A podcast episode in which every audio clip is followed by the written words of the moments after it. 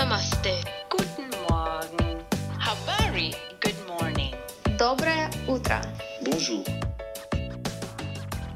Dobro jutro in pozdravljeni v novi epizodi podcasta Neostavljiv v ponedeljek zjutraj. Z vami pa sem Dan Prednik in tukaj je novo ponedeljkovo jutro, na Neostavljiv v ponedeljek zjutraj pa nov teden začnemo s citatom. Znanih, pa tudi manj znanih ljudi, vsekakor zanimivih. Skratka, teden začnemo s citatom za naravnanost naprej, v učinkovitost, v uspeh, za motivacijo, miselni preskok, za nov teden, za nove izzive. In kot kaže, jih v prihodnosti ne bo malo, zato se naroči na ta podcast, da ne zamudiš novih vsebin. To lahko storiš v aplikaciji za poslušanje podcastov na svojem telefonu. Enostavno pa lahko obiščeš tudi povezavo do mojega spletnega mesta dejanprednik.blogspot.si, ki jo najdeš v opisu te epizode, tam mi pa pustiš svoj elektronski naslov, s tem pa dobiš dostop do vsebin, ki jih ustvarjam in jih prejmeš v tvoj elektronski nabiralnik. Tako da, če še nisi, se na ta podcast naroči zdaj, s tem ne zamudiš prihodnjih epizod, meni pa seveda daš zagon za naprej, s tem zagonom pa skačemo v današnjo epizodo. In za današnjo epizodo sem izbral citat: We enjoy the process far more than the proceeds. Oziroma, daleč bolj uživamo v procesu kot pa v dobičku. Kot bi se citat glasil v prevodu. Ta citat sem izbral zaradi obdobja, v katerem se nahajamo, in tudi zaradi aktualnega dogajanja. Kajti v zadnjem tednu se je ogromno govorilo, predvsem v podjetniških krogih, o Warrenu Buffettu oziroma o dogodku, ki ga ima njegovo podjetje enkrat letno. In ta citat je njegov. Pa če povem nekaj besed več o avtorju samem. Warren Buffett je toliko zanimiva oseba, da ne vem niti, kje bi začel. Pa naj za začetek izpostavim kar njegov, vzdevek. Kličejo ga namreč Oracle from Omaha oziroma prerokovalec iz Omahe. V Omahi namreč stanuje. To pa, da je prerokovalec in da se ukvarja z investitorstvom in delniškimi trgi, pa mislim, da že govori o njegovem udejstvovanju in njegovih sposobnostih. Seveda pa ga bom predstavil malo bolj podrobno v nadaljevanju. Za začetek pa, če povem, da Warren Buffett deluje tako kot en, takšen dober dedek, ki bi si ga vsak želel, da ga ima. Ampak menim, da se tukaj ne da prevarati, ker če pogledava v svet posla in v svet posla, v katerem je on na njegovi ravni, potem mislim, da je takšna poenostavljena podoba zgolj dobrohotnega dedka odveč in da je potrebno vzeti v zakup tudi kakšne druge sposobnosti. Je pa zaradi tega odličen za poslušati, ima res neverjetno retoriko. Tako neverjetno, da sploh ne da je sploh ne opaziš, in šele ko se tega zaveš, veš, da je ta retorika res neverjetna.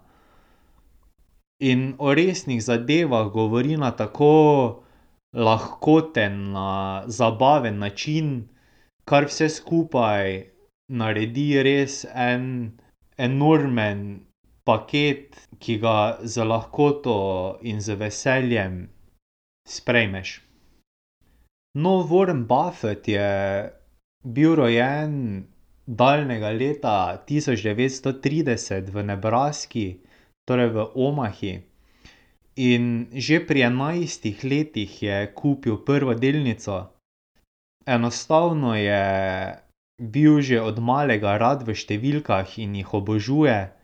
Tako je že kot otrok prodajal časopis pa, potem je prodajal, Coca-colo od vrat do vrat in, bil nenehno v tem svojem majhnem svetu računovodstva, kjer je zbiral te penije in jih, shranjeval.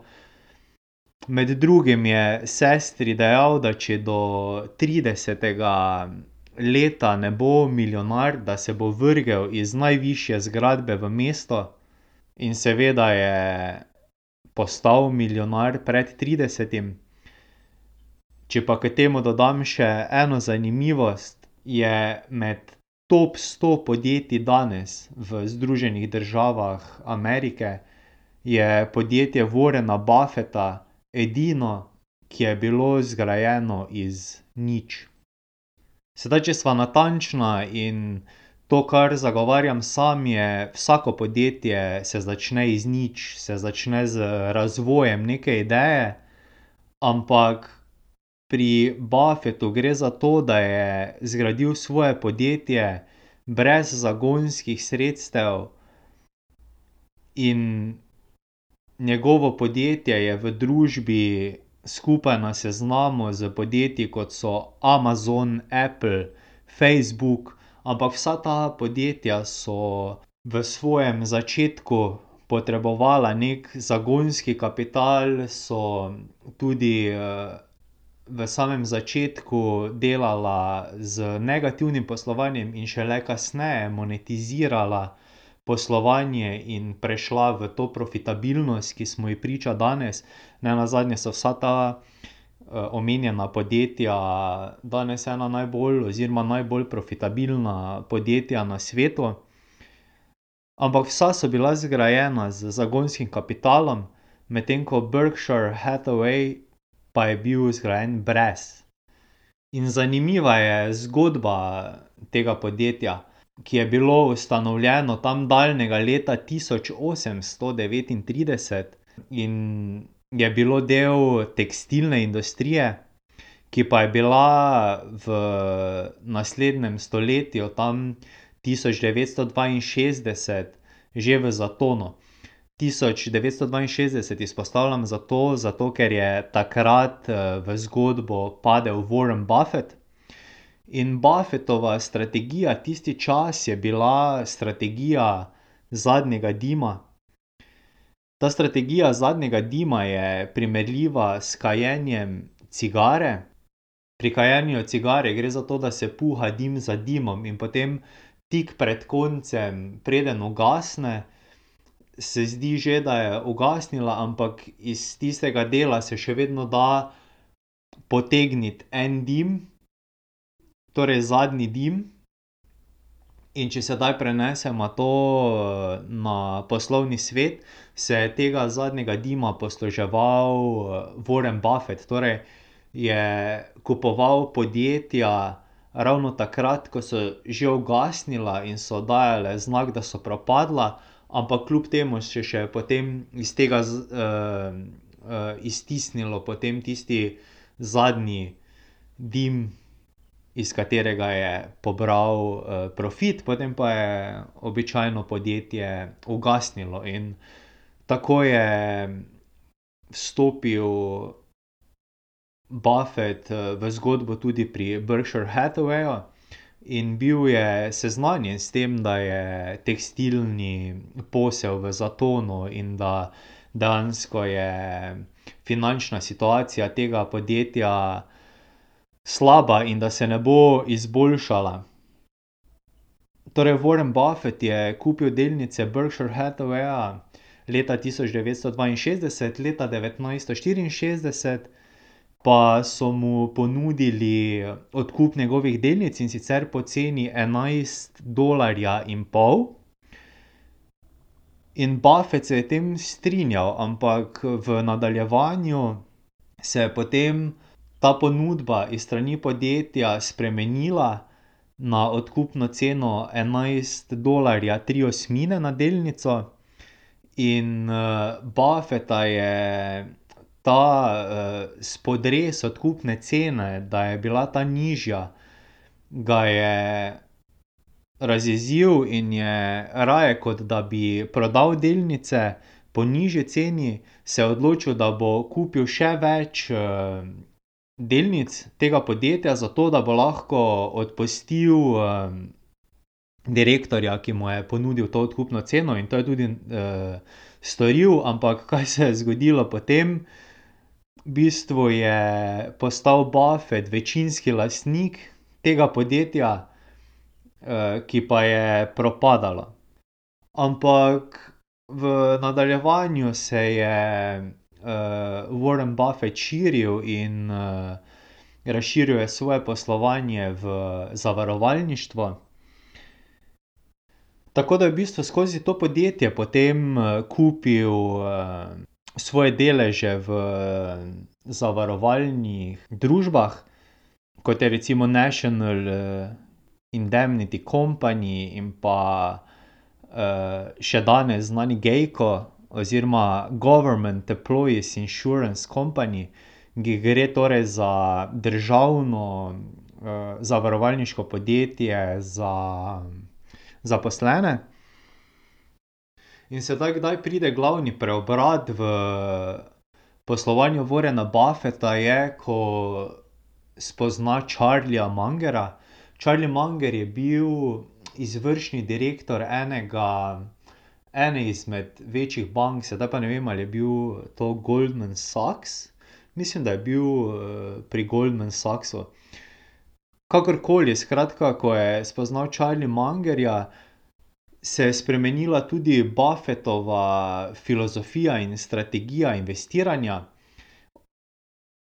Skratka, opustil je tisto strategijo, da je kupoval, dobra oziroma ni, ja, recimo tako, da je kupoval dobra podjetja po nizki ceni, je se spremenila njegova strategija v to, da je kupoval, začel kupovati odlična podjetja po pošteni ceni.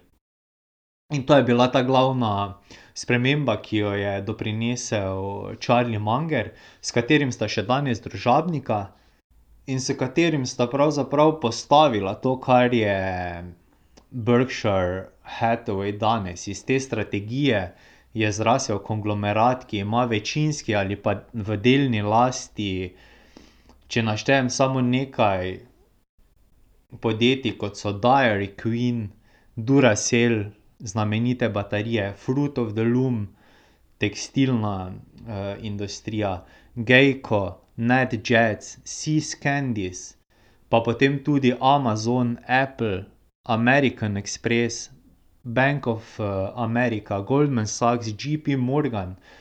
To so vse bančniške družbe, potem Johnson Johnson, eden največjih proizvajalcev, teh, no, saj je znana reklama od njih za šampone oziroma iz te nege, potem v Coca-Coli Heinz, znamenit kečap in tudi prvi, ustanovitelj tekočega traka, pa potem Mastercard in Verizon, če jih naštejem le nekaj.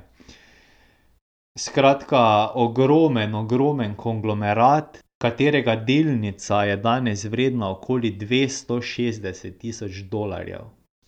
Samo za primerjavo, Applova je vredna okoli tristo, delnica Tesle tam slabega tisočaka. Ali pa Amazon kot trgovski gigant ima danes delnico ocenjeno na okoli dva in pol tisoč dolarjev. Berkshire Hathaway pa dvesto šestdeset tisoč dolarjev. Skratka, ena delnica je vredna dvesto šestdeset tisoč dolarjev, kar je neverjetno. In vse to je Buffet zgradil iz nič. Tako kot sem prej omenjal, brez, tega zagonskega kapitala in tako naprej. Sedaj več o Warrenu Buffetu lahko izveš v dokumentarcu, ki ga je posnel HBO, in ti ga seveda pripenjam v opis te epizode. Glede današnjega citata: "We enjoy the process far more than the proceeds." Oziroma daleč bolj uživamo v procesu kot v dobičku. To je citat, katerega vsebino zagovarjam tudi sam, ki dajem dobiček v ozadje.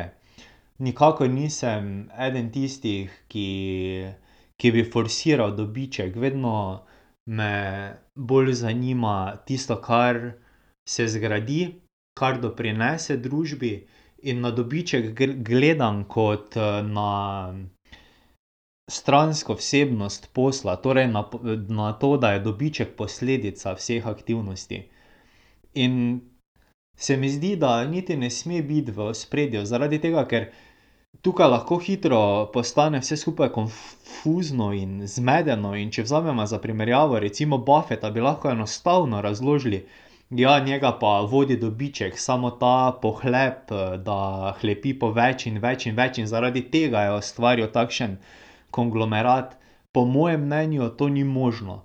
In to enostavno zaradi tega, zato ker ti, ko začneš enkrat, poslovati z nekim dobičkom, če ti je ta dobiček fokus, se boš slej kot kot prej ustavil, se iztrošiš in pač ne vidiš več, smisla v ustvarjanju po več in več in širše.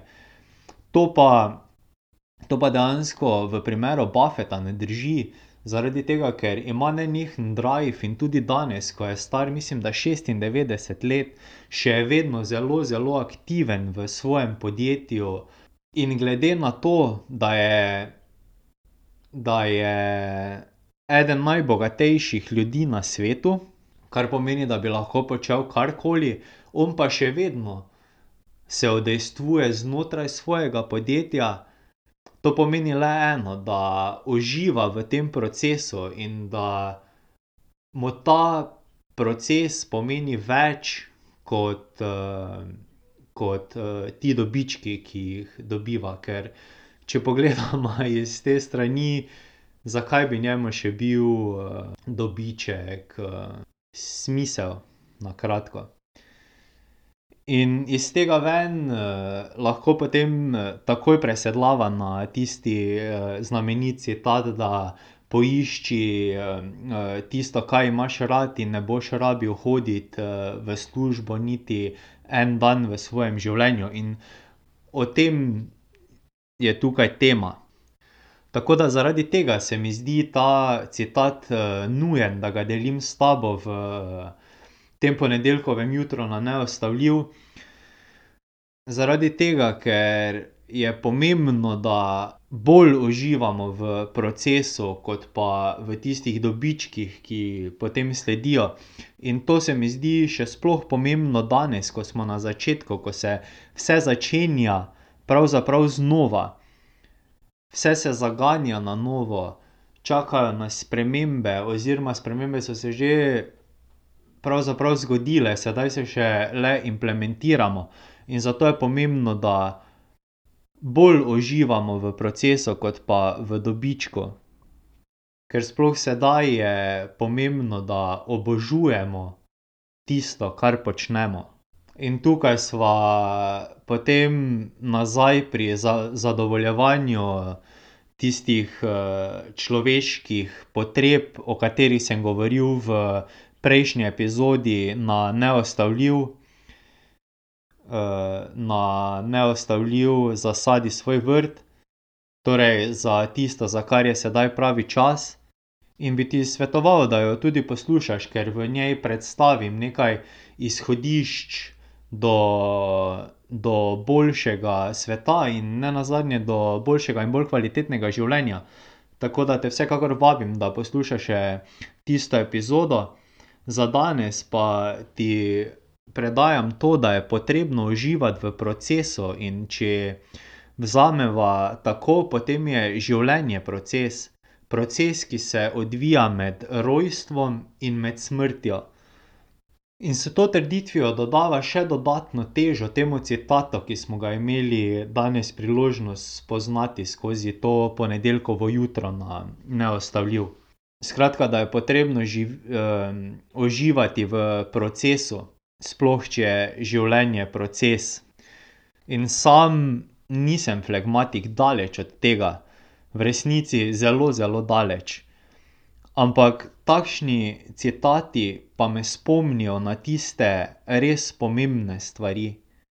In če ti povem tako odkrito in mogoče tudi malo karikirano, dobiček, dobiček je nujni del posla, to je, to je dejstvo, ki se ga niti ne, niti ne mislim o njem diskutirati ali pa se mu izogibati ali pa karkoli. Skratka, dobiček je eden ključnih elementov posla. Ampak kaj pa želim povedati skozi svoje udejstvovanje in skozi to, kaj počnem tukaj na Neustavljiv, je pa to, da je v bistvu dobiček v poslu, kot je recimo v avtomobilu, en element motorja, ampak nikakor pa ni dobiček krmilo. Ne, krmilo je proces, ki nas vodi skozi to, da dosežemo želene rezultate in želene cilje. In naj ti bo to vodilo za naprej, naj ti bo vodilo za naprej to, da uživaš v procesu. In če še ne veš, v kakšnem procesu uživaš, ga išči, dokler v njem ne uživaš. Če ga pa že imaš, potem pa uživaj na polno in dobiček bo sledil. Sedaj pa, da še samo povem to, zakaj je dobiček pač nujen sestavni element posla. Enostavno zaradi tega, ker skozi proces prihajajo nove in nove ideje in za njihovo realizacijo je potreben kapital, ki pa ga dobimo skozi ta dobiček. Tako da toliko o tem dobičku, ampak vseeno fokus na procesu. Ker tako kot pravi Warren Buffett: "We enjoy the process far more than the proceeds." Oziroma daleč bolj uživamo v procesu kot v dobičku. S tem pa bom zaključil današnjo epizodo podcasta Neustavljiv v ponedeljek zjutraj. Nikakor ne pozabi preveriti opisa te epizode, v kateri najdeš vse omenjene povezave. Lahko se pa poveževa tudi na Facebooku, Twitterju in Instagramu. Najdeš me pod afna Dejan Prednik in hashtagom Neustavljiv. Sedaj pa hvala za poslušanje in želim ti uspešen teden.